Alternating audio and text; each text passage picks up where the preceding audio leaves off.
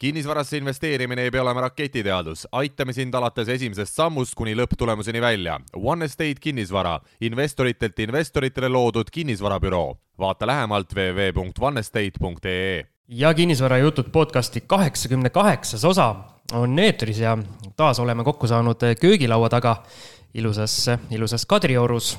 minu nimi Siim Semiskari, minu kõrval Algis Liblik, tere Algis! tere, Siim! oleme jälle Kadriorus, mis toimub? No vaata, nii ilus korter on, et ei, et äh, siia peab ikka tagasi tulema, on ju. Et kui on hea koht, kus käia, siis noh, tegelikult on õigustatud küsimus, et äh, otsin üürnikku siia korterisse ja praegu omanik on lahkel nool, andis nõusoleku, et niikaua kui üürnikku ei ole, me saame siin salvestada. ehk siis, kes tahab üürida korterit, kus hõljub õhus kinnisvarajuttude aura, siis see on no, see võimalus praegu. ma kohe hakkasin mõtlema, et kas peaks hinda tõstma veel või kinnisvarajuttude koefitsient juurde ma arvan küll, jah, ma arvan, see töötaks. aga miks ma selle korteri äh, jutuks tõin, on see, et meil on tegelikult taas väga huvitav külaline stuudios, kes selliste korteritega minu teada väga ei tegele. ehk siis meil on äh, siin üle laua istumas väikeinvestor Willie, kes tegutseb minule väga südamelähedases segmendis, ehk siis ütleme siis viisakalt nii-öelda odavkorterid või odavkorterite segment, mitte siis Kadrioru sellised luksapartmentid. on nii, Willie, tere kõigepealt! jaa, tervist!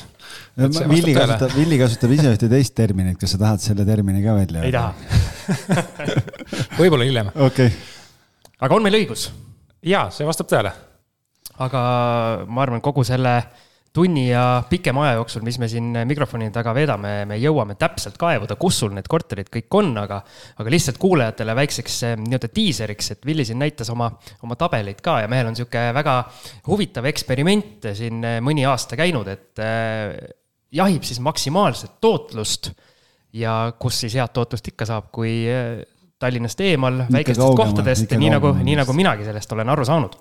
No ma saan aru, et sina oled ikka väga lähedal, mina olen kogu aeg arvanud, et sina käid kaugel, aga seda Villi korterite nimekirja ja kõike seda nähes, siis ma ütleks, et avasta Eestimaad. just, aga selleni me jõuame, aga alustame Villi siis sellest, et millega sa üldse igapäevaselt tegeled?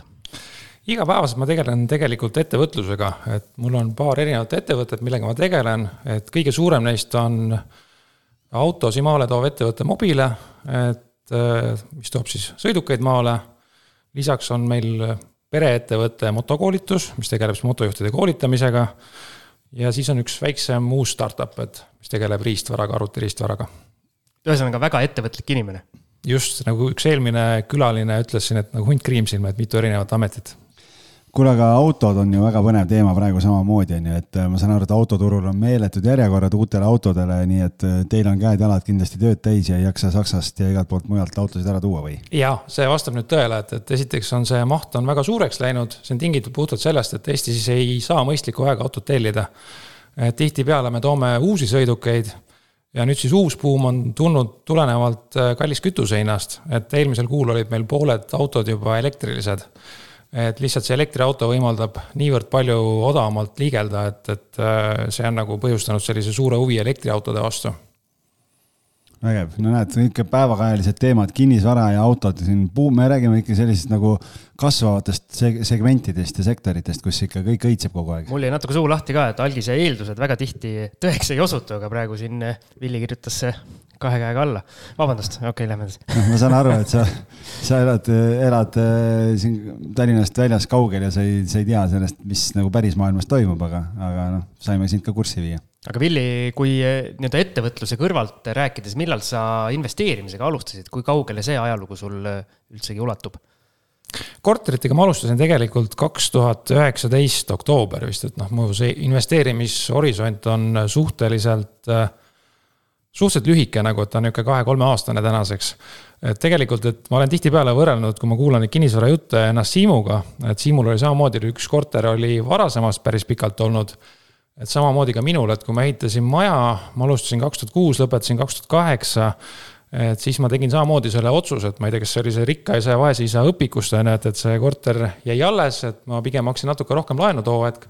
ja siis see korter jäi mul tiksuma ja siis mul oli, pikalt oli plaan uuesti nagu alustada.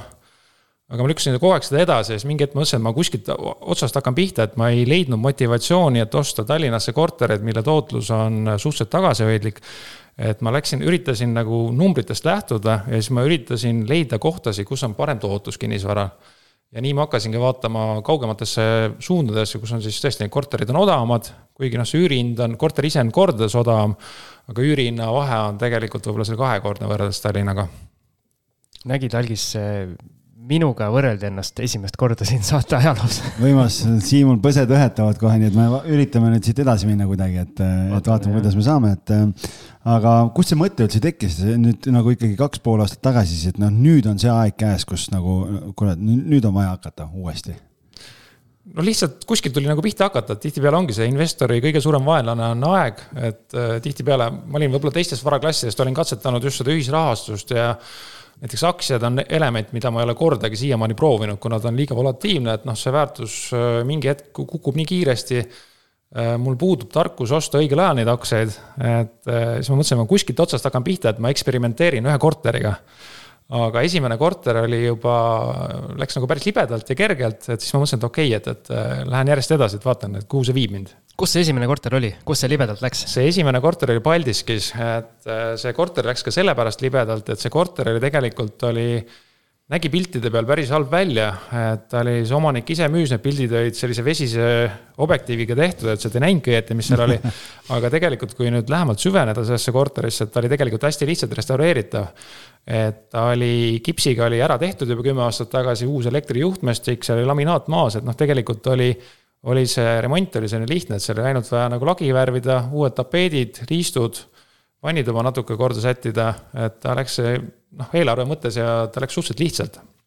Mind kohe huvitab, kuna ma samas segmendis enam-vähem tegutsen, siis kuidas äh, julgeb üks inimene esimeseks investeerimiskorteriks, okei okay,, sul see eelmine kodu oli üürile, eks, on ju Äh, kuidas sa julged minna Paldiskisse ostma korterit, mis on väga halvas seisus, et ma mäletan, kui mina läksin äh, ostma oma Kehra korterit, esimest Kehra korterit, mis oli ka väga halvas seisus, aga see oli minu jaoks, ma ei mäleta, kas kolmas või neljas ost, siis ma olin natuke julgem, aga ma olin ikka täiesti, täiesti suures hirmus.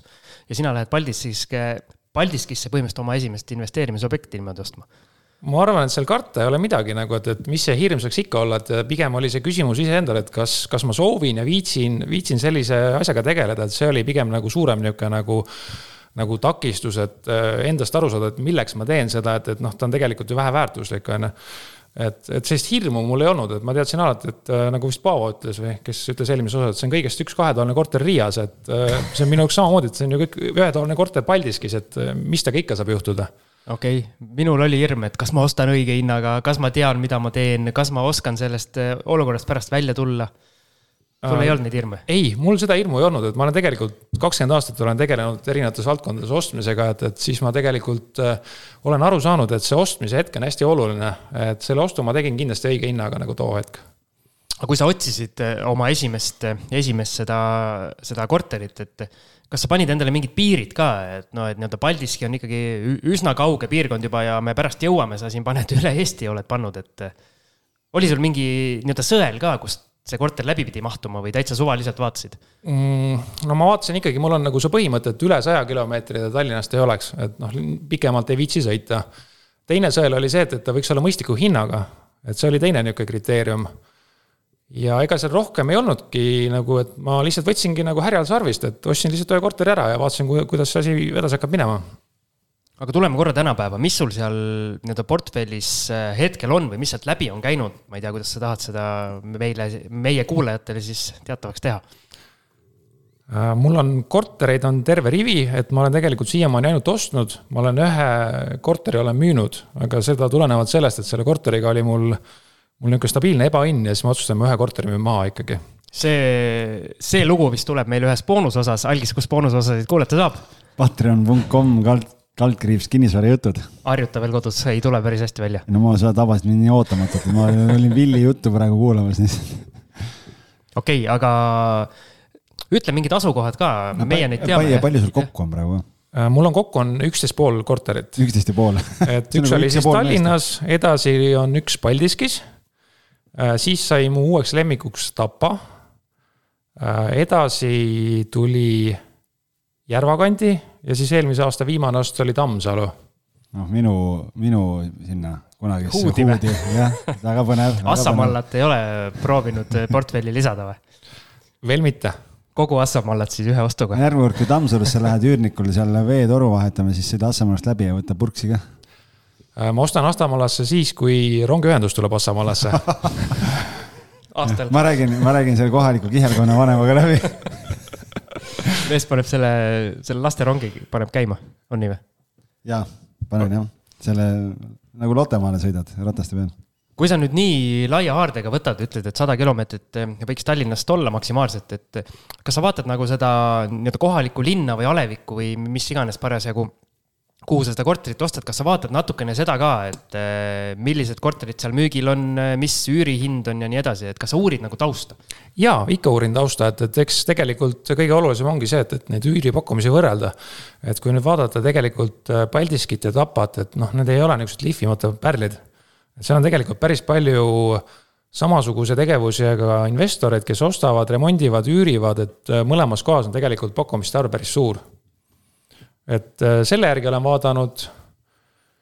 ja võib-olla on, ongi see ühendus on nüüd oluline, et selle ostmise juures, et noh, tegelikult, et üldse, kuidas ma ikkagi nende rämpskorterite juurde jõudsin no,. vot, tuli ära. vot tuli see termin ära. ise ei kuulnud, kerige tagasi et noh, tegelikult oli see, et see mõttemaailm on mingi hetk muutus, et kui ma kuskil kakskümmend aastat tagasi ma olin veendumusel, et Eestis elu toimub ainult Tallinnas, et võib-olla on olemas ka Tartu, kus on ülikool. ja Pärnu, eks, võib-olla. jaa, Pärnu on ka, et, et seal saab suvel käia ja Haapsalus ka, on ju. et siis tegelikult mingi hetk ma olin vist kaks tuhat kaheksateist või seitseteist olin Saksamaal, mu pooletaja elab Austrias. et siis mingi hetk ma tajusin, et tegelikult äh, et see elu ei toimu ainult pealinnas, et tegelikult on väga lahedad niisugused väiksed äh, linnakesed ja pärast seda ongi mul tekkinud, äh, kui ma nagu kõrvutasin Saksamaad Eestiga. et siis ma sain aru, et selles väikses äh, väikelinnas võib olla nagu päris täisväärtuslik elu, et, et seal kõik asjad on olemas.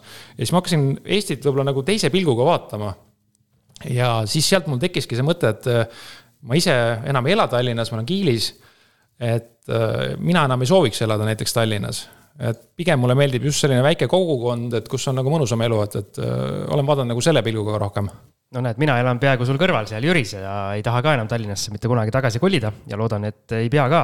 aga ma tahtsin siinkohal tervitada meie hiljutist abisaatejuhti Maksimi, kelle läbiv mõtteviis on samasugune, et Eestis on elu ainult Tallinnas ja siin ka ainult osades piirkondades, et ülejäänud on kõik välja surnud no vot, täna siis murrame selle müüdi. mina olen üritanud Maksimile seda kogu aeg selgitada, aga ei ole veel õnnestunud äh, läbi murda sealt. aga noh, selles mõttes nagu väga laia haardega on sul neid asju ja, ja noh, see ikka, minu esimene küsimus on kohe see, et nagu okei okay,, sul on nagu nii erinevates kohtades, mismoodi sa haldad kõike seda asja?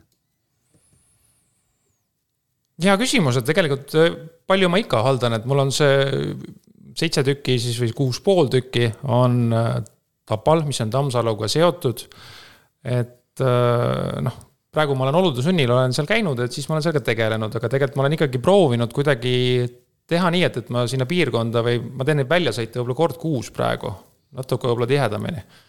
aga ma olen kuidagi kaugelt üritanud need korterid ära hallata, et, et sellega siiamaani ei ole probleeme olnud, et võib-olla see on ka üks põhjus, et miks ma olen nagu hetkel nagu peatanud selle tegevuse, et, et lihtsalt aru saada, et kuidas see nagu reaalelus välja kukub, see halduse pool kui palju sa mööda Eestit siis ringi sõitnud oled nende aastate jooksul?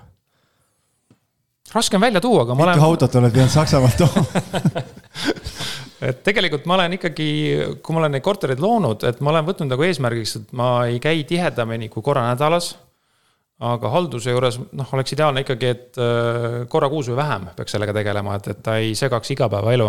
et sa ikkagi ehituse ja selle nii-öelda ostad sisse? Jah, jah, et ma olen mingid asjad ise küll teinud olude sunnil, et kus on situatsioon, kus ma ise saan mingid asjad kiiremini lahendatud, aga need Tapa korterid on tegelikult on ikkagi, on ühe inimese poolt on valmis tehtud enamuses.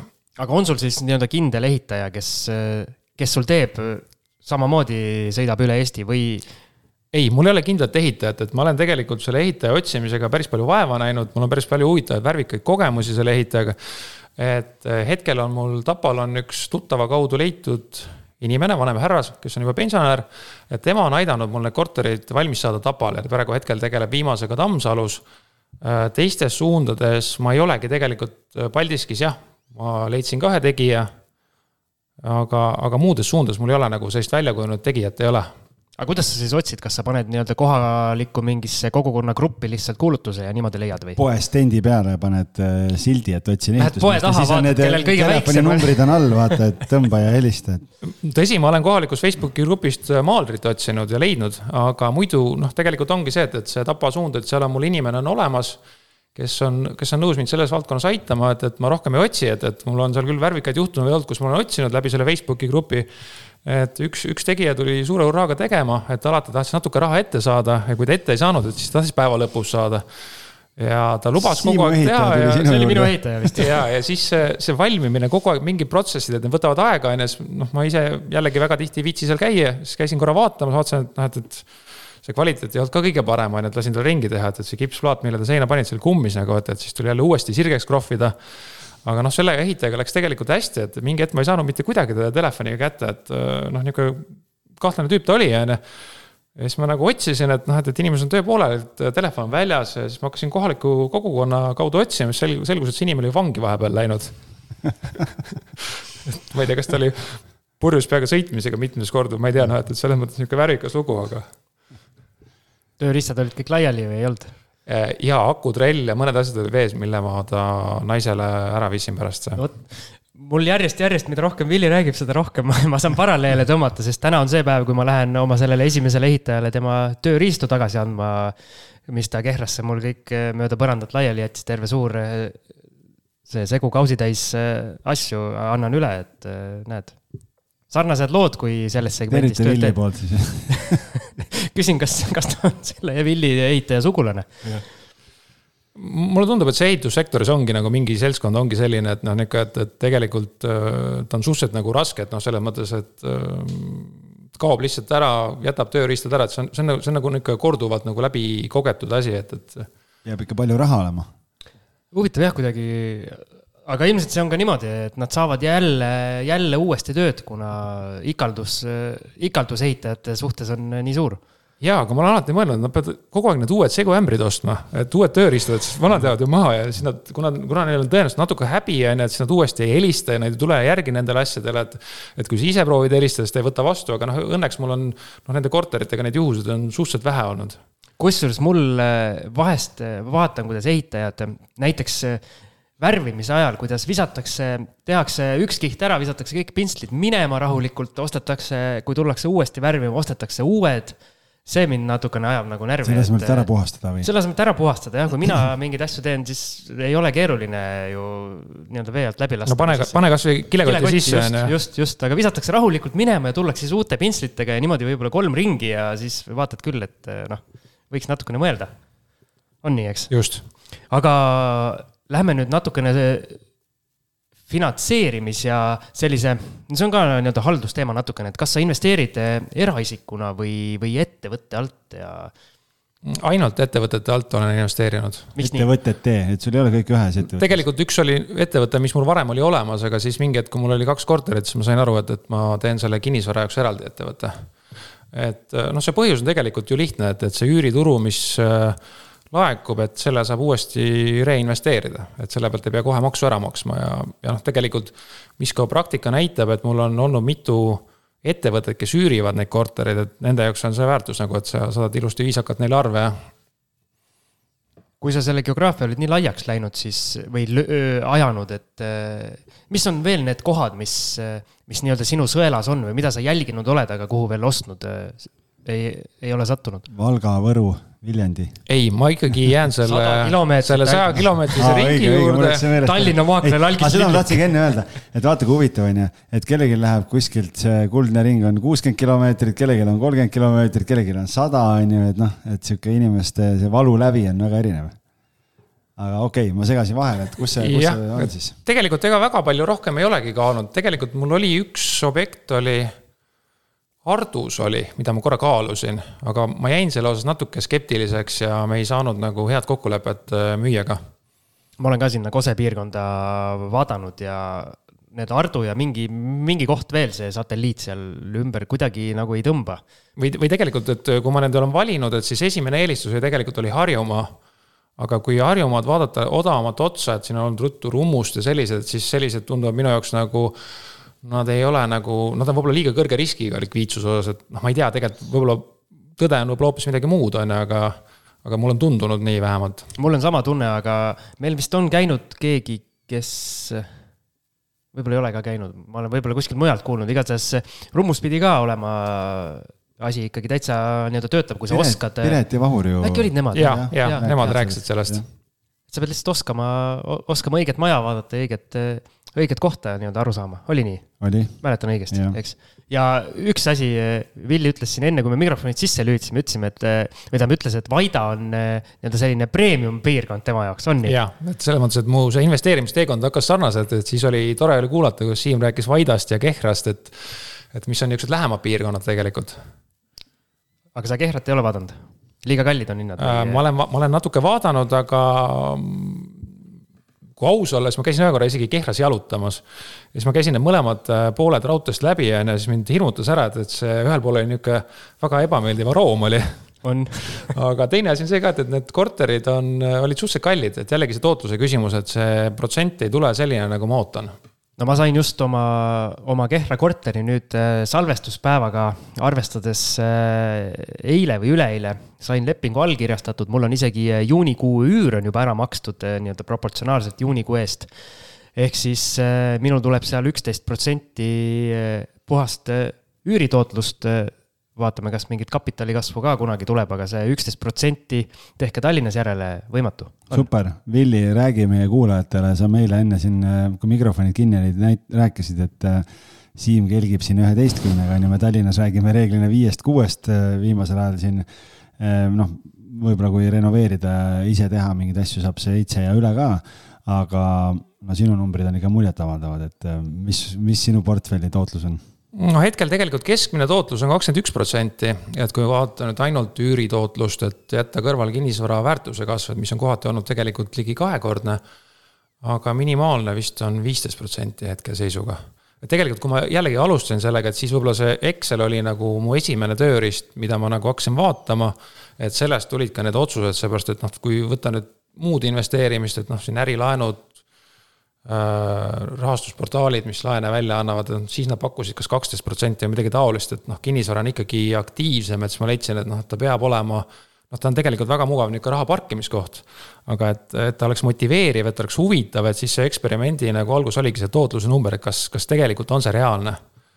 ja see nii-öelda tootlusprotsent, mis sa välja tõid, see on siis puhas nii-öelda üürivoo pealt, jah? jah julm, julm algis. vägev, see on vägev, tõesti, noh, ma ütlen, ma ei tea, me oleme siin igasugustest tootlustest rääkinud, aga praegu ei meenu, et, et kellelgi oleks nagu puhtalt äh, üürirahavoo baasil sellist äh, tootlust olnud meie külalistest, nii et äh, võimas. ei no me siin juba kilkame, kui tootlus on nii-öelda kahekohaline, aga kui me räägime siin juba. latt on uuele kõrgusele seatud siin. jah, siin juba kakskümmend ja sealt edasi, siis oh no., kuule, kohe teeme üleskutse. kui meie kuulajate hulgas on inimesi, kelle portfelli tootlus on parem, võtke ühendust, kutsume saatesse, räägime, kuidas saab paremat. just, ja kui te teate mõnda tuttavat, kes äh, suurepäraselt tegutseb äh, kinnisvaramaailmas äh, investorina, siis soovitage teda meile saatesse ja meil on selle jaoks nüüd ka väike nii-öelda nännipakett välja panna, et kui soovitate meile hea külalise, siis tühjade pihkudega te ei jää jah, nii et selle kohta tuleb meil Facebooki gruppi kindlasti lähiajal postitus ka. väga hea, mul on üks läinud. mõte olemas. ahah, vot väga hea mulle tundub, et Villi. me saame sulle kaasa anda kohe siis. jaa, väikese kingipakiga. nii, oota, kus me jäime nüüd, nii, nii huvitav to. tootlustest rääkisime, aga oled sa kuidagi nagu seda ka nagu analüüsinud, et, et noh, kuna sul on selle saja kilomeetri raadiuses, aga osad on lähemal, osad on kaugemal, et on siis kuidagi korrelatsioonis ka, et mida kilomeeter edasi, seda paremaks tootlus läheb või, või ei ole seal nagu otseselt? Äh, ei ole tegelikult sellist korrelatsiooni, et tegelikult ikkagi see tootlusprotsent, et kinnisvaras ma leian, et kõige olulisem on ikkagi ostmine et võib-olla see niisugune nagu suur protsent on tingitud keeruliste objektide ostmisest, et see on andnud selle niisuguse lisatulu, et, et tegelikult kui ikkagi kuulutuse portaalist äh, võtta ja osta, et siis nii suur tootluse protsent ei ole reaalne nagu tegelikult. aga mis, äh, räägi probleemidest, milliseid problemaatilisi objekte sa otsid või nagu milliste probleemidega sa oled pidanud siis silmitsi olema? Ma ei ole neid probleeme tegelikult otsinud, aga mul on kuidagi sattunud sellised huvitavad objektid on ju, et, et tegelikult ma olen päris mitu korterit olen oksjonilt ostnud. et siis mul on pakutud kortereid ja see on andnud nagu selle hea tulemuse nagu. okei okay,, aga kuidas see täiturite kaudu ostmine on läinud, et sul on seal olnud eelmiste elanike lahtisaamisega ka probleeme või on selles osas kõik sujuvalt läinud? Mm, mitte ükski ei ole läinud väga sujuvalt, kui aus olla, et ma olen oksjonil kokku ostnud, las ma mõtlen, äh, kolm korterit, et äh, esimese korteriga oli mul äh, viivitus võtmete kättesaamisega ja kolmandal ka. et alguses, kui ma sain omaniku kätte, siis ta ütles, et tal ei ole aega enne üle anda kui kahe kuu pärast see korter, et ma ütlesin, et mul ka väga kiiret ei ole, aga okei okay,, et ega sina maksad need kommunaalid on ju seni eest, et.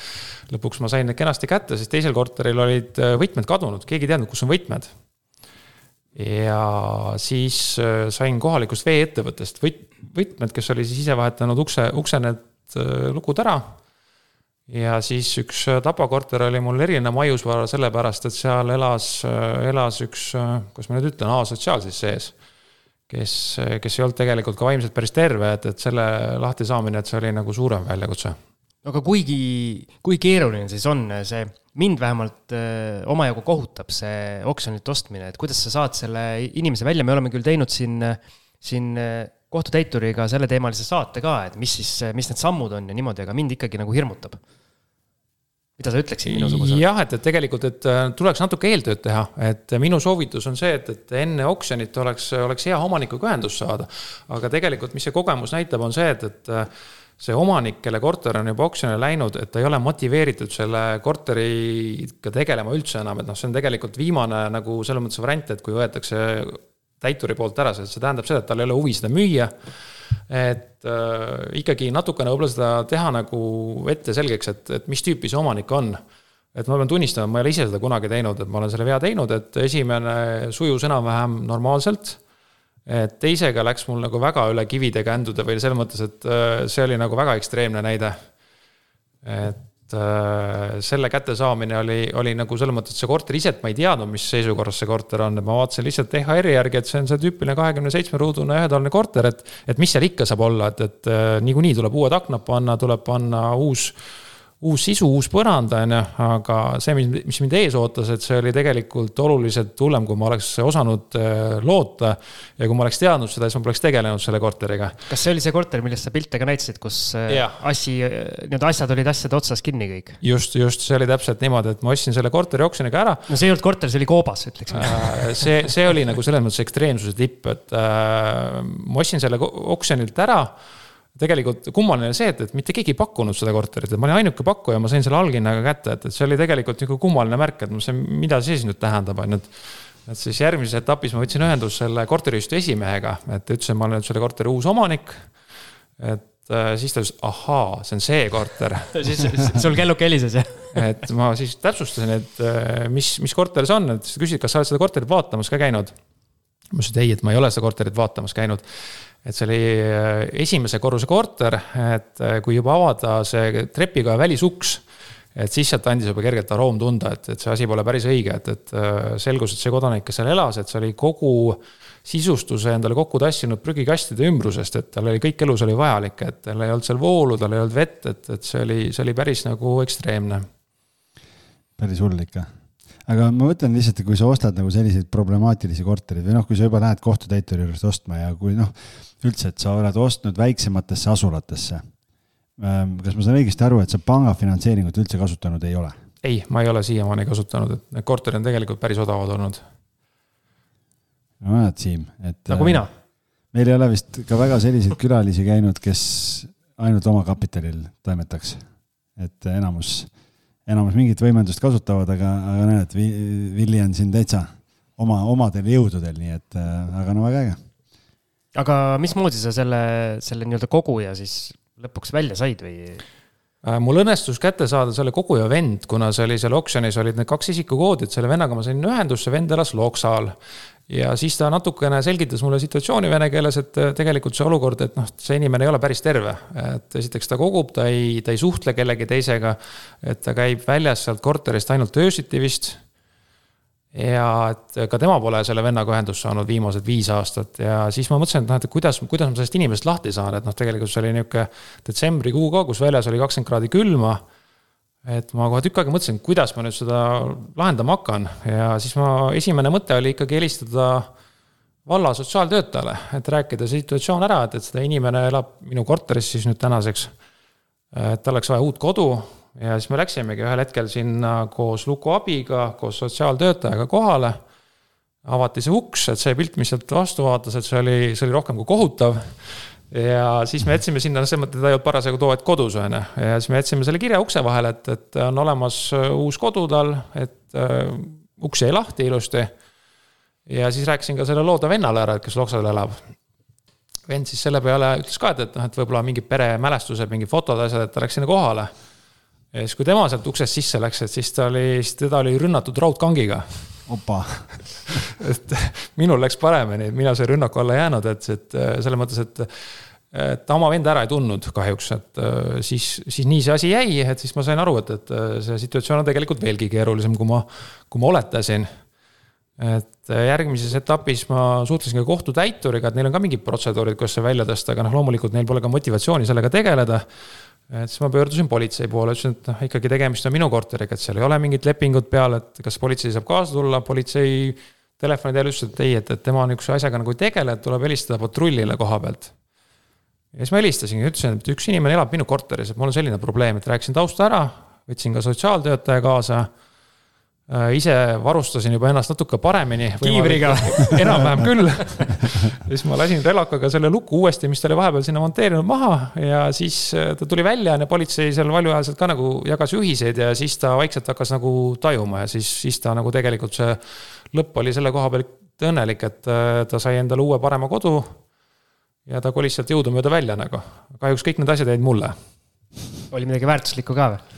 Äh, ma rohkem nende asjadega ei tutvunud, et õnneks ma leidsin ühe, ühe inimese või teenusepakkuja, kes tegi, kes tegi selle asja puhtaks, aga noh, see oli, see oli tegelikult ikkagi päris, päris kohutav asi. mingi skafandriga tulema kohale, siis noh, muidu ei kannata koristada ju. jah ja me nägime pilte ka, sellest sai äh, suurepäraselt ilus korter lõpuks ja ma arvan, et see nii-öelda kogu see kortermaja oli äh, lõpuks ülimalt tänulik sulle. ma usun küll, et naabrid olid tänulikud nüüd on, lähed uksest sisse ja lilleleht lilledega ollakse vastas aga kui, kui nende korterite peale mõelda, mis sa nüüd ostnud oled, et äh, on seal mingi ühine näitaja ka, et ma ei tea, ühetoalised, kahetoalised kuidagi või, või sa vaatad puhtalt ainult Exceli baasil?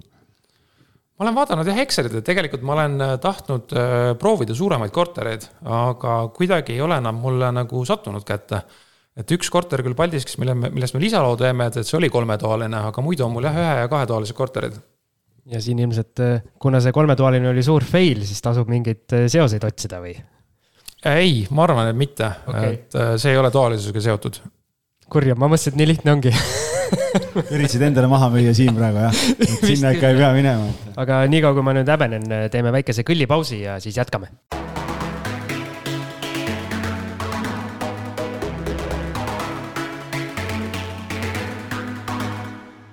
nii, oleme pausilt tagasi ja lõpetasime enne pausi nii-öelda Exceli juures, et eh, ma tahaks jätkuküsimusena uurida, et mis sul seal Excelis siis välja pidi tulema, et sa ikkagi eh, sind seda ostuprotsessi tegema, tegema läksid, et oli mingi kindel number ka ja kuidas see number nagu nende aastate jooksul ajas muutus? see number oligi tegelikult see, et, et see tootlus võiks olla viisteist protsenti või enam nagu, et ma tegelikult äh, võib-olla niisugune mõttekujutelm oli see, et, et osta korter Tallinnasse Mustamäel, niisugune klassikaline korter, aga noh, sellega ei jookse numbrid mitte kuidagi kokku nagu, et, et see ei ole mitte mingil viisil motiveeriv, et noh, tõsi, et praegu on olnud nagu viimased juba ligi kümme aastat on kinnisvaras nii-öelda pidu olnud väikest viisi, et eriti nüüd praegu lõpus, on ju et äh, siis see kinnisvara hinnatõus on muidugi andnud nagu hea efekti, aga kui me vaatame ainult nagu üüritootluse ja varahinna suhet, et siis on tegelikult ikkagi see noh, väga tagasihoidlik, et see ei ole motiveeriv. Aga Tapa, Tammsalu, Paldiski, Järvakandi, jäi mul midagi puudu ka vist mitte, et äh, kas neil kohtadel on midagi nagu ühist ka või on igal pool ikkagi täitsa omad nüansid, mida sa siis jälgid? ühine on võib-olla see ligipääsetavus, et ma olen vaadanud, et äh, sinna saaks ühistranspordiga, et ehk siis rongiga et see Järvakandi tegelikult äh, tuli mulle plaani, et Järvakandis tegelikult ei käi rongi. aga sinna peaks tulema kunagi Rail Baltica peatus. Et see oli niisugune nagu motivaator, mis pani nagu äh, vaatama teise pilguga seda kohta mulle mul olid mingid isiklikud seosed varasemast ka selle Järvakandiga. Tapa ja Tammsalu ei ole üksteisest väga kaugel, et äh, ja, ja noh, Tapa linna muidugi viimased, ma ei tea, kümme pluss aastat on väga palju drive inud ka välissõdurite kohalolek ja, ja kõik see pool et näed sa nendel kahel linnal nagu mingeid ühisosasid või mingeid erinevusi või, või kui sa võrdled ka neid üüriturgusid, et noh, et, et kui on nagu kaks peaaegu noh, ma ei tea, ühe või kahe rongipeatuse kaugusel olevat äh, asulat üksteisest, et, äh, et oskad sa sealt mingeid võrdlusmomente välja tuua? ei oska tegelikult, sellepärast et äh, see Tammsalu on nüüd järgmine rongipeatus Tapast et tegelikult selle Tammsalu võib-olla ongi siis viimane, üks viimaseid kortereid, mille ma ostsin ja selle Tammsalu ostu põhjus oli see, et Tapa kinnisvara oli niivõrd kalliks läinud, et sinna ei olnud enam nagu motiveeriv juurde osta. et siis ma mõtlesingi, et ma proovin selle Tammsalu ka ära, aga mul on see korter on juba ma ostsin ta vist eelmises juulis oksjonilt ja ta on siiamaani nii-öelda valmimisel, et ma olen ka võtnud niisuguse tead-, rahuliku joone, et, et ma ei tekita endale sellega liiga stressi. et nüüd on tõsi, et kommunaalide arvelt on nüüd äh, viiskümmend protsenti see korteri hind tõusnud mu jaoks, aga üks, eks ta ükskord ikka saab valmis ja siis ma saan näha, et mis seal toimub, aga tegelikult, kui vaadata seda, üldse seda ääresegmenti et siis tegelikult äh, üüripakkumisi, kui sa tahad saada korralikku remonditud korterit, kus oleks, kus oleksid nõus nagu ise valmis elama, et tegelikult neid on vähe. et on palju selliseid kortereid, mis on kakskümmend aastat remontimata, et paljud äh, ei soovi sellises korteris, ei soovi üürida, et kuigi noh, neid pakkumisi on palju, nende hinnad on kaks korda odavamad, aga ta ei ole ikkagi atraktiivne nagu üüri jaoks. ma siin vaatan, et äh, kui Tammsalu ka liiga kalliks läheb, siis peab Väike-Maarjasse kolima. jah, et tegelikult, kui tagasi tulla selle Tapa juurde, et ega mina käisin elus esimest korda Tapal aastal kaks tuhat üheksateist, et enne seda ma teadsin ainult selle Tapa kohta ütlust, et seal oli ajaleht, et oli Tapa kommunist, mis siis muudeti ära hiljem, et Tapa edasi. ja, ja, ja see on, see on see nali, et kui sõidad, sõidad äh, sinna Tammsalu poole, siis ühel hetkel, kui lähed nagu sealt mitte Viitna kaudu sealt, vaid lähed sealt Tapa ja Loobu ja sealtkaudu, siis ühele poole näitab silt Tapa ja teisele poole näitab Loobu, et siis sa saad nagu valida. kumma, kumma võtad. aga ma küsin, mis hinnaga sa said selle Tammsalu korteri? selle korteri hind oli vist oli veidi alla viie tuhande euro, kui ma õieti mäletan wow.. mis see, ma olen, kuna minu äh, elust kümmekond aastat on möödunud äh, Tammsalu kandis, et äh, mis tänavale sa ostsid? Ääsi aa, okei okay,, okei okay,, selge, selge. Ääsi, Ääsi täna, Ääsi on jah, nagu jääb Tammsalu külje alla. mitu korteripidu Ääsi tänaval oled pidanud? Ääsiga on nagu see, et noh, seal need kortermajad ja see kontingent ja kõik see, et noh, on nagu väga pikalt, ma ei tea, mis seal see seis praegu on, aga ütleme, et oli selline nagu oota, kas sa tegelikult, kas sa praegu ajad sassi ah, Sääsega või? Sorry. et Ääs, Ääsi, Ääsi on kesklinn nagu. Ääsi piirkond on väga hea, ei, ma mõtlesin, et Sääse. Assamala mehed räägivad. ja, ja Sääse, Sääse, Sääse piirkonda mõtlesin, et seal on see korter, korterelamute sektsioon, ma käisin Sääsel lasteaias. et ja ka Ääsi piirkond väga hea, sõidad ju sisse Tammsalusse ja, ja see on seal nagu väga-väga hea asukoht, et. seal nagu sellise on... hinnaga korteri saab, see on muidugi, ma ei ole muidugi seda turgu ammu vaadanud, aga tundub nagu, ma ei tea, nii, niisama kätte saadud jah, ta oli turuhinnas sellel hetkel, ma arvan, et üks-kaks korda odavam, aga noh, seisukord on jällegi täiesti nullist tuleb üles ehitada, aga seda sääset ma vaatasin ka, et, et tegelikult see ei ole väga kaugel rongiga, rongipeatusest äkki kuskil kilomeeter kopikaga jalutada. seal isegi minu meelest saad terve kortermaja aga... osta, kui tahad või vähemalt kunagi. jaa, aga seal oli juba see niisugune sirgala ja viivikonna efekt, et seal oli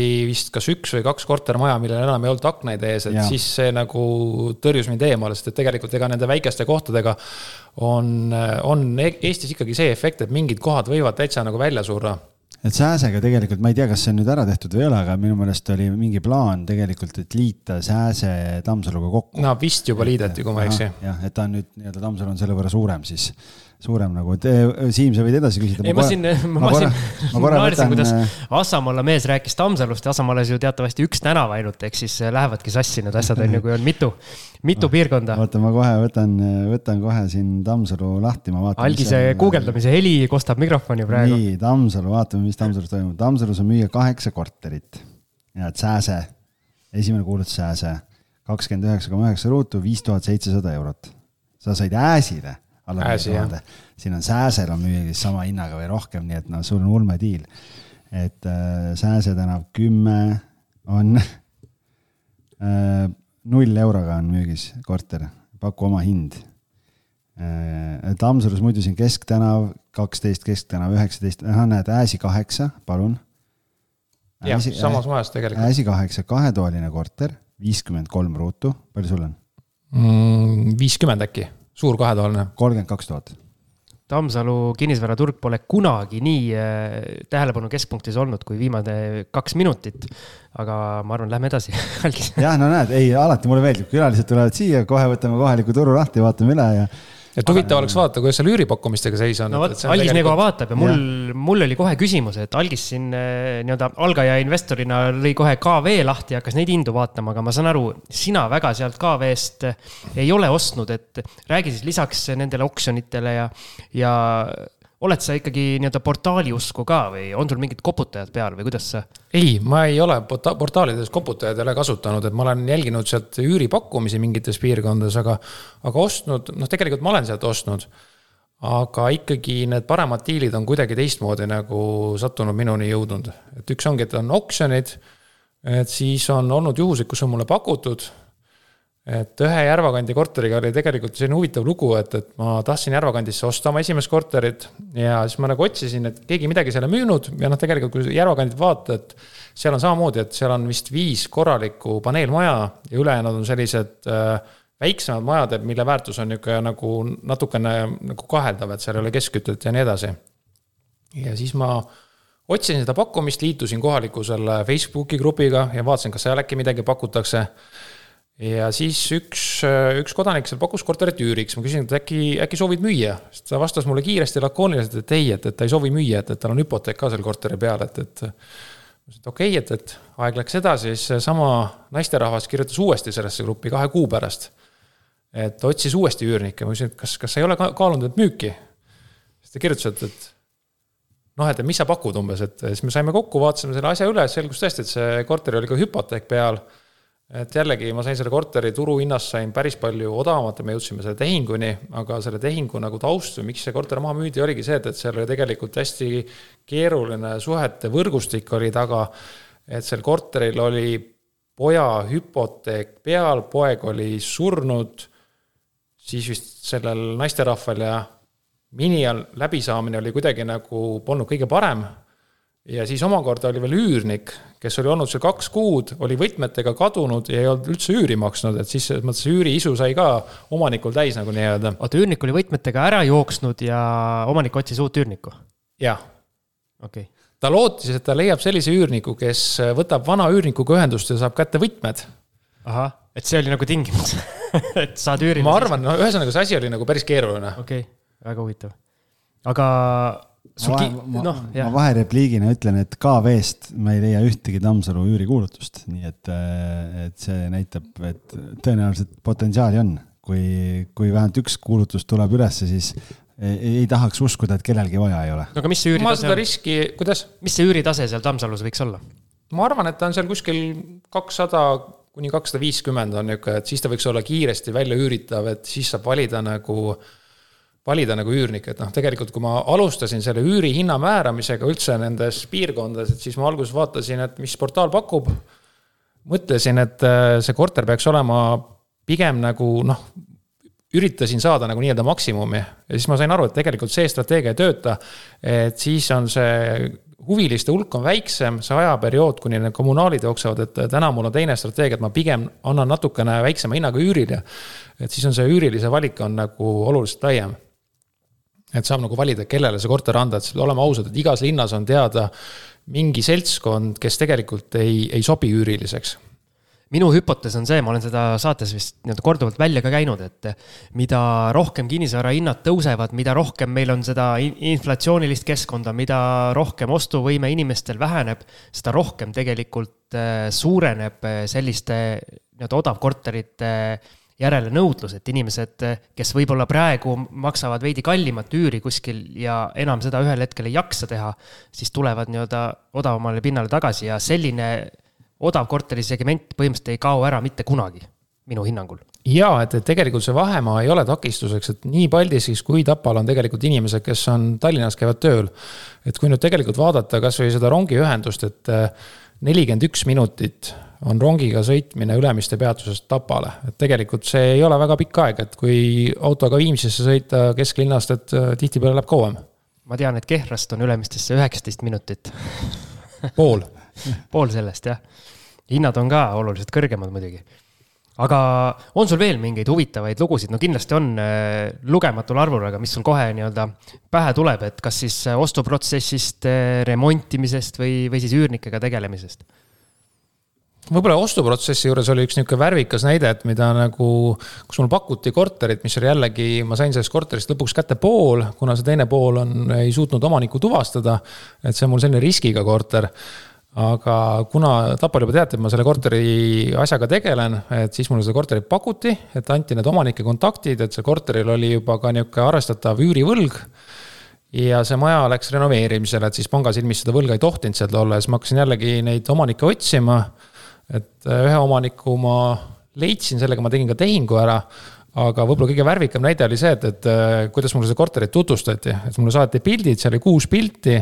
sest majast väljast, siis sisust, see sisu oli ta täis ja siis muidugi oli seal korteris ka sees üks äh, inimene, kes sinna ära suri, on ju, et siis oli ka see seal kenasti foto peal olemas nagu, et see huvitav, kas see oli mõeldud, et see tõstab väärtust või, või, või kahandab, et nagu noh, et, et võib-olla on hea, kui on eelmine omanik ka on kas see polnud see teine omanik? ma arvan, et sellega testiti, kui paks nahk mul on, et ma arvan, et nii mõnigi inimene oleks nagu loobunud, et. vabandust, selliste asjadega ei tohiks nalja teha, aga kui vaatama läksid, kas öeldi, et omanik tuleb ka kohale omanik on kohal, et. Äh, see omanik minna. oli täpselt üheksa aastat tagasi sealt äh, korterist ära viidud, see korter oli puutumatuna üheksa aastat okay, seisnud. okei okay,, okei okay aga kuidas, kes see siis oli, kes seal pildi, pildi ei, see oli siis tehtud kunagi ammu, üheksa aastat tagasi. see pilt oli tehtud üheksa aastat okay, tagasi okay,, see okay, väga okay. pikalt ei saanud olla, aga okay. lihtsalt jäädvustus oli olemas. okei okay., ja, ja ma mõtlesin, et vahepeal, vahepeal tuli veel keegi. see oli veel selle Polaroid kaameraga tehtud äh, pilt, kus pilt tuli kohe aparaadist välja veel sellel ajal. tõsi, kuupäev oli nurgas. Ah, okei. okei, aga mm, selgita nüüd rumalale, et sa said pool korterit said ära ostetud.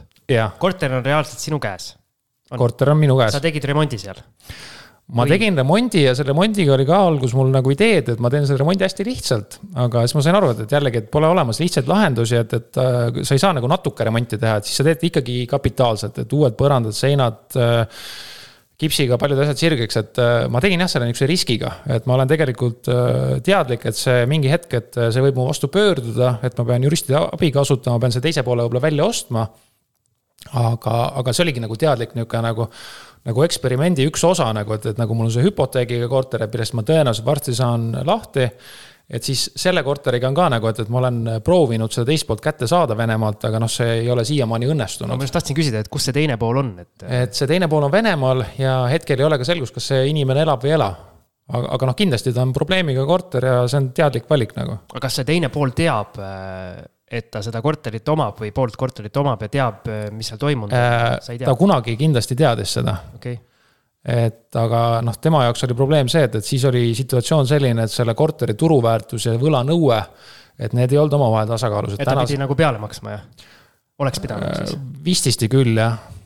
okei okay., aga kui ta nüüd teada saab, et äh, selline vägev asi on, siis äh, mis see sinu hüpotees on, et mis seal juhtuma hakkab? Mul ei ole selget hüpoteesi, et mul on kohati see suhtumine selline, et, et kui ma jõuan selle sillani, et siis ma vaatan, kuidas sealt üle minna. aga seni nii-öelda sina nii-öelda cash'id seda üüriraha sisse ja.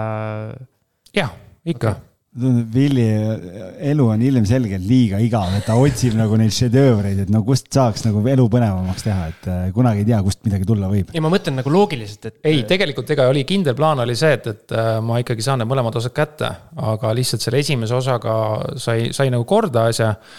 ja noh, jurist otsis ka seda teist poolt ja seal sai päris palju tegevusi tehtud, et see teine pool leida, kätte saada aga see ei õnnestunud ja koroona ajal noh, reisimine ka Venemaale, et, et see oli ka välistatud, täna ka on välistatud. et äh, ta lihtsalt jäi nii. aga oled sa juristiga arutanud, et kui, kui see omanik, nii-öelda teise poole omanik mingil hetkel välja ujub, et kas tal tekib mingi nõue selle senise üüri, üüriraha äh, peale ka või? jaa, ma olen seda arutanud, et selle raha peale tal ei teki. ei teki, jah? ainult siis, kui nii-öelda ostu, või tähendab müügiks läheb, siis? jaa et müügi, müügi puhul kindlasti jah, et, et on ostu eesõigus, aga. okei okay., aga mis see nagu põhjendus on, et miks tema varu, nii-öelda vara üüritakse välja, aga tal mingit nagu õigust ei teki, mis see nagu põhjendus on? ega siin ei olegi põhjendust, et äh, lihtsalt see asi on, tegelikult plaan oli ikkagi osta terve korter. aga lihtsalt äh, seda nagu väga halvas seisus korterit äh, poole osana müüa, et, et noh, see on ka nagu noh, tal ei ole nagu mingit nagu perspektiivi, et siis ma tegingi selle teise perspektiivi, et, et. et ma olen endiselt muidugi sellest teise osa ostust huvitatud, aga siiamaani lihtsalt noh, inimest pole kuidagi keegi tuvastanud ka koha pealt. ma pole sellist asja varem kuulnud. no vot aga. sellepärast ma alguses mõtlesin kogu aeg, et üksteist ja pool korterit, et mis asi, mis, mis, mis. ma mõtlesin, et kellegagi nii-öelda kahasse. ma mõtlesin, et on võib-olla töös või ehitamisel mingi asi, et noh, pool et on valmis. ei, ma mõtlesin, et on mingi, ühel korteril on mingi nii-öelda partner, et on nagu viiskümmend, viiskümmend, et noh, no põhimõtteliselt ongi partner, aga vastu tahtmist või teadmata. teadmata, teadmata partner okei okay,, aga siia sobib hästi see küsimus jätkuks, et kas sellises äh, odavkorterite segmendis see inimtüüp, kes sellega tegeleb, peab nagu mingi nii-öelda spetsiaalne inimene olema või spetsiaalsete oskustega? šaakal. ei, ma arvan, et ei pea nagu tegelikult, et äh, võib-olla ongi see nihuke, et, et ei, see on ju kõigest üks korter, on ju, et äh, võib-olla üürnike valimisel on, on see selline sisetunne on hästi oluline. et see on nagu õppetund, mis on nagu viimase paari aasta jooksul nagu olnud, et need on nagu raskemad küsimused, just see õige üürnik välja valida. kui palju sa mööda oled pannud siis? Äh, ma olen mööda, ma ei ole nagu suurelt ei ole mööda pannud, aga tegelikult noh, üks näitaja, mis on see, et, et ikkagi see taust ära kontrollida. et teha see eraisiku krediidiraport, et mul oli tegelikult üks inimene ühes korteris, kelle taust oli tegelikult natuke halb, et tal olid need makseraskused üleval aga kuna see eelmine üürnik nii-öelda soovitas seda ja siis äh, ma rääkisin sellest samast probleemist, ütlesin, et noh, et, et äh, siin on olnud sellised probleemid, et mulle see ei meeldi ja siis ta ütles, et noh, selline käitumine oli tal minevikus ja siis ma ütlesin, et noh, et okei okay,, et, et siis on deposiit on kolm korda. ja noh, tegelikult oligi nii, et, et see ligi, ligi aasta ta maksis üüri korralikult. siis hakkasid need viivitused tulema igasuguste põhjendustega ja tegelikult noh, siin ongi siis, et siis ma pidin selle kodaniku sealt tegelikult välja tõstma aga siin on jällegi niisugune õppetund või soovitus ka teistele on see, et, et äh, selle väljatõstmisega, et sellega ei ole mõtet nagu oodata, et noh, kui tegelikult, kui tavalised ärisuhted on sellised, et sa räägid läbi, sa ootad mingeid makseid või mis iganes, on ju et selle lihtsa üürnikuga, et, tegelikult, et äh, kehtesta kohe see süsteem, et sul on märgukiri, sul on teavitus, et näed, ma soovin selle lõpetada sellest kuupäevast, et kui ei laeku raha. et mine step by step kohe, et, et ära jää ootama, et see lihtsalt see võlg koguneb ja noh, tegelikult selleks hetkeks, kui ma ütlesin, et näed, et ma tulen, võtan selle korteri nüüd üle homme kell kaksteist on ju, et ole hea, vii oma asjad välja, korista korter ära, on ju et äh, selleks ajaks oligi see nagu nii-öelda see deposiit koos kommunaalidega, mis on päris kõrged, on ju, et oli enam-vähem nulli jooksnud et ja ma soovitan ka, et kui ikkagi tekib võlgnevuse probleem, et kohe peab tegelema, sellepärast et et kui kuidagi üritad seda probleemi eirata või mõtled, et ah, kõik laheneb ära ja kõik asjad, et noh, tegelikult ei lahene, et kui inimesel on tekkinud probleem, siis tuleb kohe, kohe suhelda ja kohe tegeleda, et, et pigem ennetada, kui tegeleda tagajärgedega jah, et pigem on oluline see aru saada sellest inimesest, et äh, kui tal see rahalaev tuleb, et noh, et vahest tõesti mingi põhjusel see asi venib, on ju. aga kui need põhjendused on sellised umbmäärased, et noh, siis pole mõtet loota, et, et see raha tal tekiks. seal on muidugi see probleem, et tihtipeale, kui inimesed, äh, inimestel juhtub midagi ja neil tekib see probleem, siis nad ei taha väga suhelda või, või kuidagi nagu ei anna näole või, või ei võta vastu või nad ei helista tagasi, noh, et siis. Ja, ja selle juhtumiga oli ka täpselt seesama asi käis läbi, et, et läbi, läbi sõnumit, et nagu rääkida ei õnnestunud kuidas sa üürnikke otsid, kas sa paned äh, KV-sse kuulutusi, otsid Facebooki gruppidest, mis su see? ikkagi KV kuulutus. KV kuulutus, jah. see on küll nagu tegelikult noh, arvestades väikest üürihinda, et siis ta on suhteliselt suur kulu täna, aga see Facebooki grupp, et, et seal tuleb nii palju niisuguseid nagu, et äh, kas saab ja mismoodi ja kuidagi nagu pigem see väike investeering ära teha, et. et tühja kontakte tuleb Facebookist ülipalju, eks? jah, neid päringuid on nagu liiga palju ja noh, see on nagu umbes, et kas saab ja siis küsib, et kus sa, see ei olegi Tallinnas jah, see on põhiline, mingid välismaalased kirjutavad ja siis saavad aru, et korter on Vaidas või Kehras või kus iganes ja siis äh, ütleb, ahah, ei taha mul kusjuures Kehras, äh, ma panin ka ainult KV-sse, just mõtlesin, et mul natukene aega on. ja siis mõtlesin katsetada ja, ja suurepäraselt läks, et kolm päeva sai kuulutus üleval olla, kaks huvilist, äh, ühe valisin ja korras. ja mõlemad olid ühest ettevõttest ka veel? just just. nojah, praegu on tegelikult, mis ikkagi seda üüriturgu väga palju mõjutab, on ukrainlased, et pärast seda tegelikult läks see turg nagu pakkumiste arv vähenes ja loomulikult nad elavad, et ka minul on ühes korteris Ukraina pere sees, et äh, noh, see lihtsalt, äh, see on nagu mõjutanud meie üüriturgu hästi palju, et, et, et see turg võib muutuda mingi hetk, aga noh, tegelikult praegu tundub, et kindlasti pooled nendest ukrainlastest lähevad tagasi aga suure tõenäosusega ikkagi mingi osa neist jääb ka siia igavesti elama nagu, et, et kes siis, kas kunagi noh, nad on tõenäoliselt on niisugused, ongi pigem niisugused üürijad.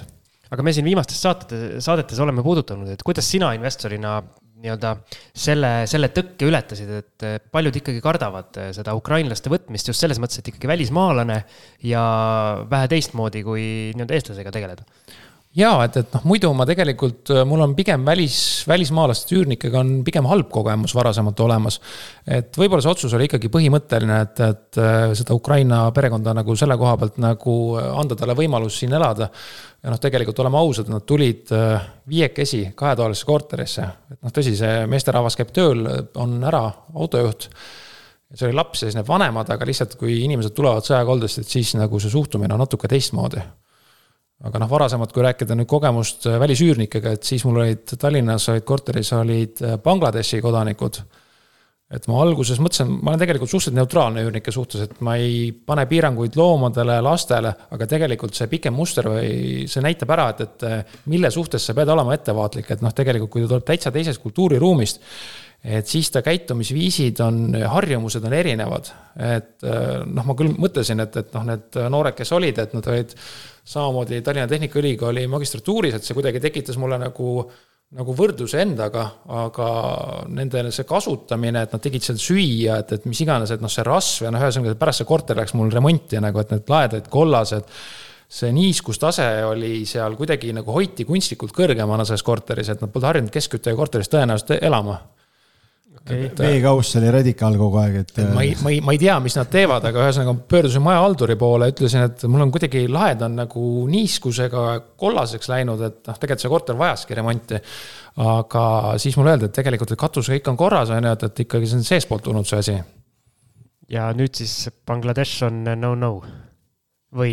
jah, ma suhtun sellesse reservatsiooniga, et kui see korter on remonditud, et äh, jah, sellega on omad riskid algis, kuidas sul on, sa annad väga palju üürile ja väga palju välismaalastele, küll mitte odavkorteri segmenti, aga, aga ikkagi. jah, selles mõttes on tegelikult mul nagu pikaajaliste üürnikega, kui see üks, üks noormees välja arvata, kelle, kelle karvatuuste ja, ja kogu seda üksteist kuud koristamata korterit ma jagasin ka Facebooki grupis, kinnisvarajuhtide Facebooki grupis, et kui, kui see nagu välja arvata, siis tegelikult nagu väga markantseid lugusid nii-öelda kuskilt, ma ei tea selliste eksootiliste maade või, või Aasia poolt tulnud inimestega näiteks kuidagi nagu ei meenu, aga väga paljud pelgavad just nende kokanduskultuuri pärast, sellepärast et nad kasutavad hästi tugeva lõhnalisi maitseaineid ja, ja need jätavad korterisse selle, selle tugeva lõhnaga siis, kui nad ära lähevad. et meil nagu pikaajaliste üürnikega ei ole otseselt nagu muresid olnud, aga aga Airbnb korterites oli küll äh, ka, et kui ikkagi sealt tulid ja, ja suured riisipotid ja asjad tulel olid, noh siis pärast oli tunda. kogu äh, sellele ümbruskonnale keedeti riisi. jah, just, et kui juba liftiga äh, lifti uksed lahti läksid, siis said aru, et, et on süüa tehtud okay.. jah, aga ikkagi tegelikult välisüürnik kui selline, et selles mõttes, et distsipliin on parem, et ta on korrektsem, ta pingutab äh, rohkem, et selle koha pealt ma ei laida nagu, et mul ei ole nagu selles mõttes, aga just see kultuuride erinevus on see, et, et mis on, mis võib mõjuda kuidagi teistmoodi nagu. seal on ka see, et ma olen tähele pannud äh, näiteks, et seal võib olla lihtsalt see, et sa ütled küll, praegu ka mingi täiesti huvitav, tegelikult hästi huvitav teema. viimase, seesama korter, kus me praegu oleme. Ehm, ma arvan, et see on viimane kord, kui me saame siin salvestada, ehm, sest siin käib omajagu huvilisi. jah, meil on selgelt suuremat lauda vaja. valdavalt välismaalased. välismaalastel on mingi huvitav asi, kui sa tuled eestlasega, tuled korterisse sisse ta paneb alati ukse enda järel kinni, aga kui sa tuled välismaalasega, nad jätavad alati ukse lahti, ma ei tea, mis värk sellega on nagu, siis ma lähen, lähen alati ise panen nagu. ja siis suure tõenäosusega nad võtta jalast ära ka, on ju. ja siis noh, eh, siis ma pean alati või noh, väga paljudel juhtudel ütlema, et noh, et please take off the shoes on ju, et, eh, et noh, kuidagi. tõlgi ka neile, neile, kes ei saa. jah, et eh, tee vene keelde Siimule, et, et ühesõnaga, et ja siis ta võtab jalast ära, on ju. aga kui me anname selle korteri üle ma ju ei tea, tegelikult ei mina ega ükski omanik ei tea, kas ta tegelikult nende kultuuris võib-olla käiakse jalanõudega. ja jäetakse ta... uks lahti kogu aeg. avatud uste päev on ju. et eh, noh, okei okay,, ei ole olnud selliseid juhuseid, kus tuled tuppa ja näed, et on porised jäljed, aga, aga noh, tegelikult eh, seal on see oht on olemas. aga noh, kui niimoodi hakata neid tonte otsima üüriäris, noh siis võibki neid otsima jääda ja siis ei saagi seda äri teha, ei ole võimalik. et selline, mul Nõus. värske lugu jagada näiteks ja veel üks seesama korter. algis sai soonele. eelmisel nädalal käis üks noormees, tahtis üürida seda korterit. aga tulenevalt praeguse sõjaga seoses ta ei olnud mitte sellest riigist, keda rünnatakse, eh, vaid sealt riigist, kes ründab. ja seal oli nagu poliitiline taust oli ka veel taga. ja, ja omanikuga arutasime. kas ta perekonnanimi algas P-tähega ei, ta oli vastasleerist veel omakorda ah. Et, et, et seal see poliitiline risk või kuidagi see tundus nagu liiga kõrge omanikule ja me otsustasime, et me ei üüri, et et, et äh, selle riigiga asjaajamised ja värgid ja kui keegi seal omavahel on veel vastasleeris, noh, siis on nagu ohumärk. et, et päris huvitavaid inimesi kohtab ja, ja tegelikult need kõik nüansid on nii olulised, et, äh, et te, selle korteriomaniku riskitaluvus on madal, ta ütles, et ma ei julge seda riski võtta ja, ja temale me ei, kahjuks ei saa üürida oota, te arvasite, et kui ta on nii-öelda Putini vastasleeris, siis ta mürgitatakse ära ühel hetkel või? ei, kunagi ei tea, kuna ta on sõna võtnud seal ja ta on nagu tal Instagramis oli üle saja tuhande jälgija ja mingid asjad ja kui sa võtad sõna nagu valitseva režiimi vastu ja asjad tullakse, otsitakse üles ja ma ei tea, mida iganes tehakse, noh, sa kunagi ei tea, mis asjad võivad nagu juhtuda ja siis nagu noh, et nagu need riskid võivad olla nagu hoomamatud, et lihtsalt targem oli nagu võib-olla mitte. algis, kui sa selles äris kõiki neid tonte näed, siis ei saa üldse tegutseda nojah, et see on mingi pseudo praegu ju. et. päris huvitav jah aga jah, tõsi, et, et mul on endal ka mitu üürihuvilist olnud nagu Facebooki profiilipildil, kus on Vene lipp, et noh, selles mõttes nendega küll nagu pikka juttu ei ole nagu, et. nüüd äh, nagu pärast seda sõja eskaleerumist, ütleme niiviisi. ja, jah. Okay. me just ühe korteri andsime üürile näiteks, äh, siis omanik ütles kohe ära, et äh, mul ei ole isiklikult ukrainlaste vastu mitte midagi. kõrval korteris elavad venelastest pensionärid nii et tõenäoliselt ukrainlastest üürnike võtmine ei ole kõige parem äh, selleks, et hoida maja rahu, et noh, igasuguseid olukordi tuleb ette, millega peab arvestama, kui üürnikku otsida. okei okay., aga lähme Villiga natuke edasi, et. aga Järva kandis ja Tammsalus selliseid asju ju ei juhtu. Vene pensionäre? ei, mis asja, see oli suvaline, suvaline nali siin. algis tahtis mulle vahele lihtsalt segada. tahtsin Siimu moodi ebaõnnestunud nalja teha mm. -hmm tuli välja ka. ühesõnaga, sul on üks äh, formaadist äh, väljas objekt ka, ehk siis eramulaagris, et kuidas see portfelli sattus ja mis plaanid sellega on? no sellega tegelikult oli, oligi see plaan, et, et ma nendest korteritest väsisin ära nii-öelda et sellega ma tõmbasin otsa kokku ja siis ma vaatasin, et äh, midagi muud, et oli mõte nagu laenuga ostu algselt.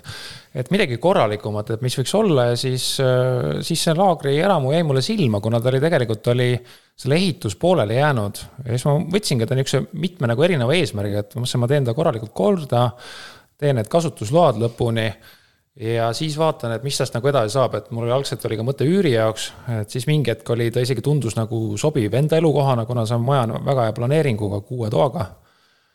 ja noh, kolmas variant on loomulikult see müük, et kui ta on nüüd kenasti kasutusloaga ja kui ta on valmis.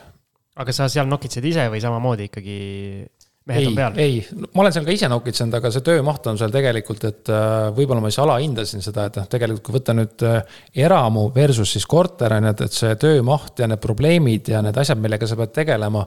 et see on täiesti teine skaala nagu, et, et äh, just, et saada see maja nagu legaalseks ja ma teen ka seda põhimõttel, et ma teen korralikult et seal ei oleks ühtegi võimalikku puudust, et noh, näiteks ongi, et, et võib-olla kõige markantsem juhus oli see, et, et korsten tuli poolenisti maha lammutada, kuna seal oli väike pragu sees. ja noh, selliseid asju on nagu järjest, järjest nagu ette tulnud, kus tuleb mingi kerise asukohta muuta, et ta vastaks nõuetele ja nii edasi, et kilp tuli näiteks ringi ehitada ja. kui kaua see seisnud oli siis? ei, seal oli tegelikult, selle lugu oli lihtne, et, et seal oli, see maja ehitati vist kaks tuhat kaheksa aga selle eelmise omaniku finantsplaanid ei jooksnud kokku, et selle eelmise asja müük nagu langes selle masu ajale ja siis see maja ei saanud kunagi valmis lõpuni, et seal ei olnud parkette maas, seal ei olnud ühte vannituba valmis. Äh, väljast ei olnud voodrit lõpuni pandud, tuulekaste tehtud, et äh, ta oligi niimoodi pooleli jäänud, et seal elati tegelikult sees, et see maja iseenesest on tegelikult on niisugune kvaliteetne omatalo maja. et seal on niisugused puit-alumiiniumaknad, et ta on, ta on nagu tootena on nagu selles mõttes nagu korralik, aga ta oli lihtsalt poolikuks jäänud ja see, mis oli tehtud, et see tuleb nagu ringi teha kui palju sa oskasid nagu vaadata, kui sa seda vaatamas käisid ja nii-öelda enda jaoks ka uude segmenti hüppasid, et eh, oskasid vaadata, et mida seal peab eh, silmas pidama sellel ostul või läksid ka selle suhtumisega, et see on ju kõigest üks maja laagris? ei, eh, tegelikult noh, selles mõttes kogemust mul on selle koha pealt, ma olen ise ühe maja ehitanud nii-öelda nullist, et see oli see kogemus. ja võtsin ka oma sõbra kaasa, et kes on ehitusega rohkem, rohkem sina peal. et päris nii-öelda nagu tühja käega ei läinud? Või tühja peaga, nagu mina läheks sellist asja vaatama. jaa, aga noh, tegelikult kui ma nüüd äh, tagantjärgi hindan, et äh, selle projekti valmimine, et, et noh, see on ikkagi natukene suurem väljakutse olnud, kui ma olen, äh, olen oodanud ja plaaninud. aga numbrid jooksevad ikka veel kokku või? ah,? seda saab siis öelda, kui projekt on lõpus. siis, kui Excelil joon all on. et kulud on kindlasti natukene kallimaks läinud, aga noh, oleme ausad, see turg on ikkagi viimasel ajal tõusnud, et küsimus ongi, et mis sellest turust saab. aga. Mina tahtsingi küsida, et mida tulevik toob, et kui sa oled nüüd nende väikekorteritega siin Avasta Eestimaad nagu korra nagu pausile pannud, nüüd võtsid selle eramu, et mis plaan edasi on siis? kui aus olla, mul ei olegi pikka plaani, et ma olen natukene skeptiline või Vallo vist oli eelmine külaline, kes siin käis, et et võib-olla huvitav tendents on see, et, et kui vaadata seda tsüklilisust, et see tõus on viimasel ajal nii kiire olnud, et tegelikult siin majanduses mina näen, et on kaks võimalust, et kas tõesti raha kaotab väärtust, inflatsioon on, asi stabiliseerub või siis teine asi, et ikkagi tuleb mingit viisi tagasilöök, et. et huvitav on see, et, et kui ma olen rääkinud oma, oma töökaaslastega, kes on sündinud, üks on kaks tuhat aasta, teine üheksakümmend, et kui ma küsisin nende käest, et kas te teate, mis on majanduskriis, et siis mõlemad ütlesid, ei, et nemad ei tea sellest mitte midagi, on ju, et. et tegelikult, et täna on turul väga palju inimesi, kes ei, kes ei mäleta, kes ei olegi kursis, et mis, mis on majanduskriis, et kuidas tegelikult hinnad ju langesid kaks korda, et seda nüüd ei pruugi uuesti tulla. aga ikkagi mingi seisak või noh, see on mu teinud nagu selliseks nagu rahulikuks, et. et see kinnisvaraturg ei ole minu jaoks hetkel nagu sellisel kujul ei ole atraktiivne.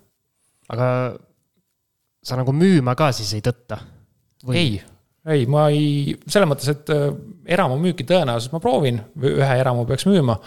Et äh, neid kortereid hetkel ma ei plaani müüa nagu, et, et noh, nende korterite soetusväärtus on nii odav, et noh, sealt väga palju nad ei lange, et noh, selles mõttes remont on tegelikult ju see, mis on selle korteri hinna tõstnud nagu kolm-neli korda kallimaks tihtipeale aga ei, mul ei ole müügiplaani, et niikaua, kuni need majad on püsti, et, et äh, las nad olla, et, et. et võib-olla see korteri ost oli ka mingi seos oli selle pensionirahade väljavõtmisega, et siis ma mõtlesin, et noh, et inimesed võtavad välja seda raha, et mida nad teevad selle rahaga. et siis ma nagu analüüsisingi, et kui nüüd keegi paneb selle raha nagu kinnisvarasse, et kuidas see töötaks, et mismoodi, et noh, tegelikult see portfell, mis mul on, et noh, tegelikult.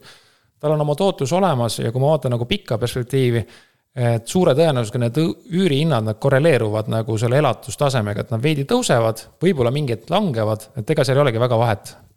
ja sellise tootlusega, mis siin Villi on rääkinud, siis äh, üsna, üsna kiirete aastatega on tegelikult juba see nii-öelda ostuks läinud raha tagasi tehtud ja kõik on juba boonus jah, tagasi ei ole veel, veel tulnud, aga noh, selles mõttes, et las nad tiksuvad, et ma pigem praegu vaatan nagu passiivselt, et eh, kuidas see asi nagu, et kui palju ta mind segab, et noh, et, et mulle meeldiks see, et kui ma kuus raiskan kuskil tunnikese arvete tegemise peale.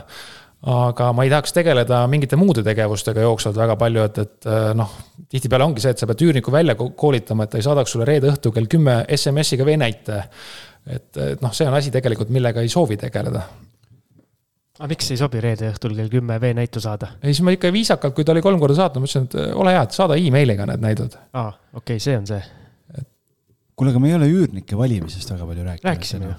aga selles mõttes ikkagi ma mõtlen, et, et kui. ära näperda mikrofoni jälgis, ole hea. et kui sa nagu ikkagi, kui sul üürnikud hakkavad vahetama. nagu Liis Lemsalu. sa pead kogu aeg äh, sõitma ja näitama ja kõik see pool, et äh, seda tahad nagu päriselt teha ise ka või? ei, ei, ma ei, ma ei taha seda teha, aga see ongi see, et, et äh, kui inimene on piisavalt laisk, et siis ta jällegi leiab mingid võimalused, kuidas asju nagu mugavamaks teha, et, et ega tegelikult ongi see, et kui see üürnik nüüd välja kolib et siis on järgmine üürnik käib, käib ise seda vaatamas, ta saab selle otse selle info selle eelmise üürniku käest. see on next level, sa lähed, rensid russikud kõik pesemata nõud, värgid ja, ja. ja ma olen, ma pean tunnistama, et, et kui sa üürniku, kui sa saad ta tausta piisavalt äh, hästi kontrollida sa tegelikult võid ka selle lepingu teha ära põhimõtteliselt. et sa ei näe inimest. Äh, virtuaalne business. vist nii kaugele ei ole läinud, aga ma olen enam-vähem niimoodi asjad nagu teinud, et ma olen vist kohtunud, kuna ma pidin uuesti sinna piirkonda minema, et siis kuidagi natuke hiljem väikse viitega nagu, aga. seal on tõsi... see oht, et äh, tuleb äh,, Maarja tuleb vaatama, aga Mati kolib sisse, et see on nagu noh, okei okay,, see võib muidu ka olla, sa ei saa seda kontrollida, aga, aga noh, et nagu ma ei tea aga noh, kui sul, kui sul üürnik on, kui sa teed ta taustakontrolli, ta on puhas, ta on ametilt õpetaja. et siis on nagu suhteliselt suur tõenäosus tegelikult, et äh, ei tohiks midagi väga nagu mööda minna. jah see on next level, me peame Villi sinuga mingi aasta või kahe pärast tegema järg, jätkusaate ja küsima, kas, kas kõik äh, sujub endiselt sama roosiliselt, et äh, kuigi sa oled juba ju tegelikult omajagu teinud, et ei ole nagu kolm kuud, et, äh, et kui siiamaani nagu toiminud, siis, siis võib-olla ongi siin, et Siimule ka mõttekoht, ei peagi sõitma. ma arvan, et võib-olla üks oluline asi on see, et, et seda ei saa nagu liiga tõsiselt võtta, et kui sa hakkad nagu ette mõtlema kõiki neid riske ja asju, et, et noh, siis sa ei, siis sa ei saagi seda teha, et, et ta ei tohi su muid asju nagu segada, et see on hästi oluline ja teine asi on see, et, et ega noh, elu jällegi õpetab, et kui sa üürnikku valid, on ju, et, et siis sa pead ka nagu alguses need asjad nagu läbi rääkima, et, et mida tohib teha, mida ei tohi teha. et nagu, nagu lapsega, et tulebki nagu lihtsalt ära rääkida, et, et põrandat, kuidas põrandat pesta? Räägidki nii detailselt? ei, ma olen nüüd võtnud selle teemaks, kuna mul oli üks sõjaväetüdruk elas korteris, et ma tulin korterisse, see oli uus parkett nagu siingi maas et vaatasin kuidagi, et äh, mõnest kohast on need servad on niimoodi kummis nagu. valas ämbritäie vett nagu. ei, aga siis, siis ma sain aru, et ta pesi nagu kasarmus seda põrandat, tal oli see ämber ja siis oli see nööridega mopp, on ju. et nüüd ma olen öelnud, et ärge, ärge niisuguse lausveega peske, et selleks on, tohib ainult niiske olla või mis iganes, mingid niisugused asjad, et ära suitseta toas ja niisugused, noh, räägid ikkagi üle, need lepingus on need asjad kirjas, on ju. või teine asi, mis on hästi oluline, on puhastamine, et kui sa korteri tagasi saad, et noh, sa pead kohe alguses need asjad nagu, nagu mitu korda ära rääkima Siimul tuleb nüüd korteri üleandmine varsti, et siis lähed, teed ma, kolm A4 ja. ma mõtlen, mis inventari kõik äh, autosse peab, äh, peab panema, et näitan mopi ette, see on mopp ja see on ämber ja sellega tehakse nii ja. ei, aga noh, pigem kui sa räägid nagu mitu korda lihtsalt ära, et noh, enamuse jaoks on see nagu elementaarne et kui sa pesumasina kasutamise lõpetad, et võiks lahti jätta, et muidu ta läheb hallitama, on ju, et, et niisugused, niisugused lihtsad asjad nagu, et, et pigem need, kui on endal meeles, et siis kordad üle, et, et ei, ei tunne nagu ennast halvasti, et sa niisuguseid elementaarseid asju nagu räägid, seepärast et ega ikkagi inimesed on väga erineva tasemega, et mõned on noored, kes on esimest elukohta valivad, et noh, nad tulebki sulle Tapa korterisse, küsib, et aga kas siin wifi levi ei olegi? et. keegi just kirjutas kuskil, ma ei mäleta, et umbes üürnik oli kuu aega korteris sees elanud ja ja siis kirjutas, et äh, kuidas pesumasin tööle käib. et, äh, et, et noh, et seal ei olegi võib-olla mure selles, et kas, kas pesumasina uks lahti jätta või mitte, vaid küsimus on, et kas pesu pestakse ja, ja korterit koristatakse, et see on võib-olla suurem mure. selles mõttes, äh, nagu öeldakse, see eeldamine on kõigi ebaõnnestumiste ema või tõlgime viisakalt siis, et siis jah, parem kõik asjad ära rääkida, mis sul endal meeles on ja millega probleeme on varasemalt tekkinud, et siis on lihtsam. tõsi aga lõpuküsimus, nagu ikka meil on, et, et kui meilt kuulavad inimesed, kes võtavad hoogu alles või on just alustanud, et mida sa neile soovitaksid? et ikkagi, kui see kinnisvara kõneta, kõnetab, et osta ja proovi, et noh, ta ei ole ju tegelikult selles mõttes, et hakka kuskilt otsast pihta nagu ikka investeerimisega. et äh, see ebaõnnestumise tõenäosus on tegelikult ju noh, ta on suhteliselt väike, et isegi kui see asi sulle ei sobi, et kinnisvara reeglina saab ju suhteliselt lihtsalt äh, realiseerida no mitte nii. talgis on kindlasti abiks selle juures. mitte et, nii lihtsalt kui aktsiad. võib-olla Järvekülas ja, ja Tammsalus ei saa aidata, aga, aga jah, kui. Järvekülas või? ei, Järvekülas saan, Järva kandis, Järva kandis ei saa, Järvekülas saan. ärge Järveküla, Järveküla korterid algisele pakkuge.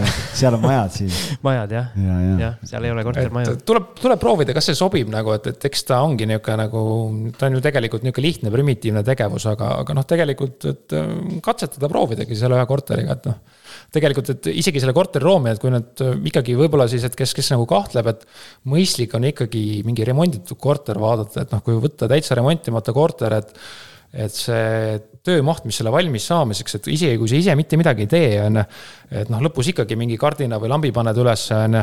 ja noh, see materjali kogus, et noh, näiteks ma toon nagu näiteks, et võib-olla üks korter, et sinna tuleb viis tonni materjali viia ja sealt võib tulla kolm tonni välja, on ju. et noh, need on mingid niisugused asjad, mis võib-olla inimene alguses ei ootagi, et niisuguse asjaga peab tegelema, et alguses on võib-olla see hasart on see, mis viib edasi, aga. aga noh, mina näiteks noh, sellise asjaga eriti ei, ei taha enam tegeleda. mina olen tegelenud suvepäeval palav vastik. aga ei ole veel küll saanud, ma saan aru, et ei, küll teed veel. teen veel, aga ma selle Järveküla koha pealt, algis ma ikka küsin, kui Peetri poolt sealt lennujaamast tulla, kas seal ei ole enne kooli ka kortermajad või see on veel Peetri või? Äh, see jääb minu meelest Peetri alla veel, Järve, Järveküla okay. ja see jääb ikka sinna tahapoole, ma ei tea ka, kus see piir läheb seal nii täpselt, ma ei ole ammu seal kogu aeg ehitatakse nii palju juurde, et kes teab täpselt. Äh, et äh, Veski pool on Peetri pool, teine pool on vist ikkagi Järveküla juba ja seal on korterid ja ridaelamud okay. ja jah, jah. no näed, maakler teab neid asju. sa ikka tead ka mõnda asja. mina ei peagi teadma, algis peab teadma. aga jäi meil midagi rääkimata, Villi, mis sa kindlasti tahaksid siia eetrisse veel paisata? praegu küll ei tule meelde, ma arvan, et eks neid jutte, jutte on muidugi veel, on ju, mida me saame pärast siin arutada no,. boonusosad tulevad mitu, mitu. no üks tuleb kindlasti. ärme veel mitut luge. pigistame ikka, võtame maksimumi ikka. kui nii palju värvikaid lugusid on, siis peab ikka, ikka pigistama. no pärast algis vastutab, kui ainult äh, üks boonusosa on, on nii? väga hea, super suur,, suur-suur aitäh, Villi, et sa said tulla. aitäh ka teile, tublid olete, et te olete nii pikalt seda teinud. aitäh, teeme sama pikalt edasi, kui Algis viitsib. ikka viitsin, äge on. niikaua kui korterid jagub, kus teha. just, no kui ei jagu, siis äh, lähme tänavale, suvi on käes ja. jah, siis hakkame, hakkame paluma, et lisaks sellele, et meie kuulajad meile külalisi ette söödaksid, annaksid ka siis äh, meile kohad, kus äh, salvestada, on nii? jaa. aga ehk siis kordame seda üleskutset, et palun, kellel on mõni tuttav investor, kes väga ägedalt tegutseb või isegi mõni nii-öelda alustanud investor, kes võib-olla esimese korteriga hetkel jageleb, et me tahaks selliseid emotsioone ka siin kuulajatele pakkuda, et äh, andke meile teada kes see inimene on, rääkige ta ise natukene pehmeks ja siis algis oma müügimehe taktikaga tuleb, lendab peale. ja siis Siim kostitab teid nänniga. just, nännikott on, on olemas.